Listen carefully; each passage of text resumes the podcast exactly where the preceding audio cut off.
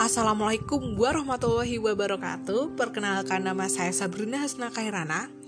Dari 12 IPS 2 nomor absen 32 Di sini saya akan menganalisis contoh perubahan sosial di lingkungan sekitar Yang mana akan memenuhi tugas sosiologi saya Hari-hari lalu muncul benturan kepentingan antara aparatus negara di berbagai daerah versus mereka yang diidentifikasi sebagai para pencari penghidupan harian alias pedagang kecil. Pemicu utamanya adalah virus corona. Para aparatus negara secara berkelompok beraksi secara lugas bertindak atas nama pelaksanaan pemberlakuan pembatasan kegiatan masyarakat atau yang biasa kita sebut sebagai PPKM dalam skala darurat.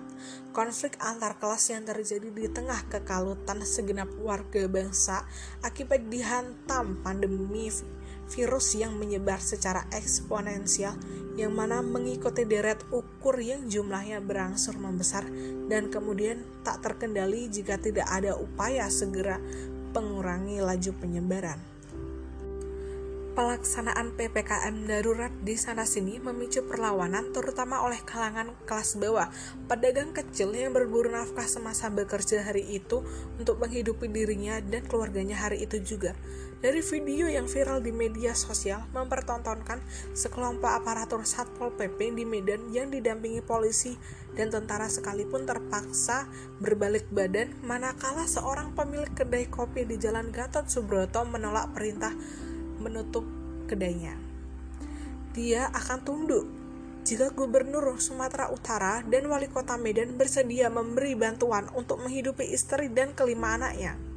Alih-alih mendapat bantuan keesokannya, pedagang kedai kopi bernama Rakes itu dihukum denda 300 ribu plus pidana penjara dua hari dengan masa percobaan 14 hari. Ideologi virus corona agaknya menjadi pematik konflik antara kelas antar kelas yaitu kelas wong cilik atau pedagang kontra dengan kelas penguasa atas kelompok berkuasa. Kelompok berkuasa yang menindas kelompok-kelompok kecil dan memaksa mereka untuk mengikuti kelompok yang berkuasa. Namun, dalam hal ini, virus corona hanya menjadi kendaraan karena sejatinya konflik antara Satpol PP dan pedagang kecil adalah sudah biasa. Aturan PPKM darurat tidak serta-merta diterima secara konsensual terutama bagi pelaku ekonomi mikro. Sejumlah pedagang kecil yang didesak oleh perut yang lapar tetap nekat membuka lapaknya. Para pelaku ekonomi mikro ini agaknya sudah lelah dan tak lagi memiliki asa. Realitasnya mereka nyaris berjuang sendirian menghadapi dampak pandemi selama hampir satu setengah tahun ini. Mereka juga masih jauh dan dari akses vaksinasi dalam rangka menciptakan herd immunity atau kekebalan kelompok. Beda halnya dengan pelaku ekonomi kelas atas, mereka tak keberatan dan mudah termudahkan dalam hal ini. Teori konflik yang digagas oleh Karl Marx berpendapat bahwa perubahan sosial tercipta akibat adanya pertentangan antar kelas atau konflik. Dalam contoh yang diberikan dalam bukunya Das Kapital, Marx melihat konflik antara dua kelas sosial yaitu kaum berjuis dan kaum proletar, di mana kaum berjuis adalah orang kaya dan punya uang, sedangkan kaum proletar adalah para buruh. Yang mana dalam hal ini kaum berjuis adalah satpol pp atau orang-orang yang berpangkat, sedangkan kaum proletar adalah rakyat-rakyat pedagang kecil. Berdasarkan intensitasnya, perubahan sosial besar berupa perubahan yang akan membawa pengaruh besar pada masyarakat.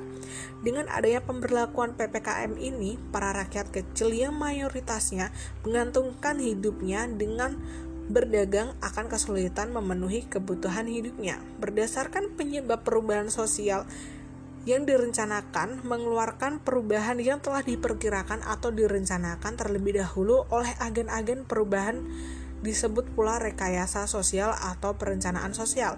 Pemberlakuan pembatasan kegiatan masyarakat atau yang disebut PPKM kali ini dipilih oleh pemerintah untuk mengurangi laju penyebaran COVID-19. Faktor pendorong adanya perubahan sosial di sini adalah ketidakpuasan terhadap bidang-bidang tertentu yaitu di sini adalah keputusan pemerintah yang dirasa tidak menghargai dan memikirkan dampak panjangnya terhadap rakyat kecil seperti mereka. Dampak positif yang bisa kita lihat di sini adalah terciptanya tenaga kerja profesional dengan adanya perubahan sosial di berbagai bidang kehidupan seperti bidang pendidikan dapat mendorong terciptanya tenaga kerja yang profesional. Juga adanya dampak negatif yaitu kriminalitas jika pemberlakuan PPKM dapat mengakibatkan pengangguran, maka masyarakat yang menganggur akan mencari cara untuk memenuhi kehidupannya dan bisa saja mereka akan mencuri bahkan yang lebih dari itu dan tidak merupakan dan itu merupakan sebuah kriminalitas. Sekian analisis contoh perubahan sosial di lingkungan sekitar yang saya sampaikan.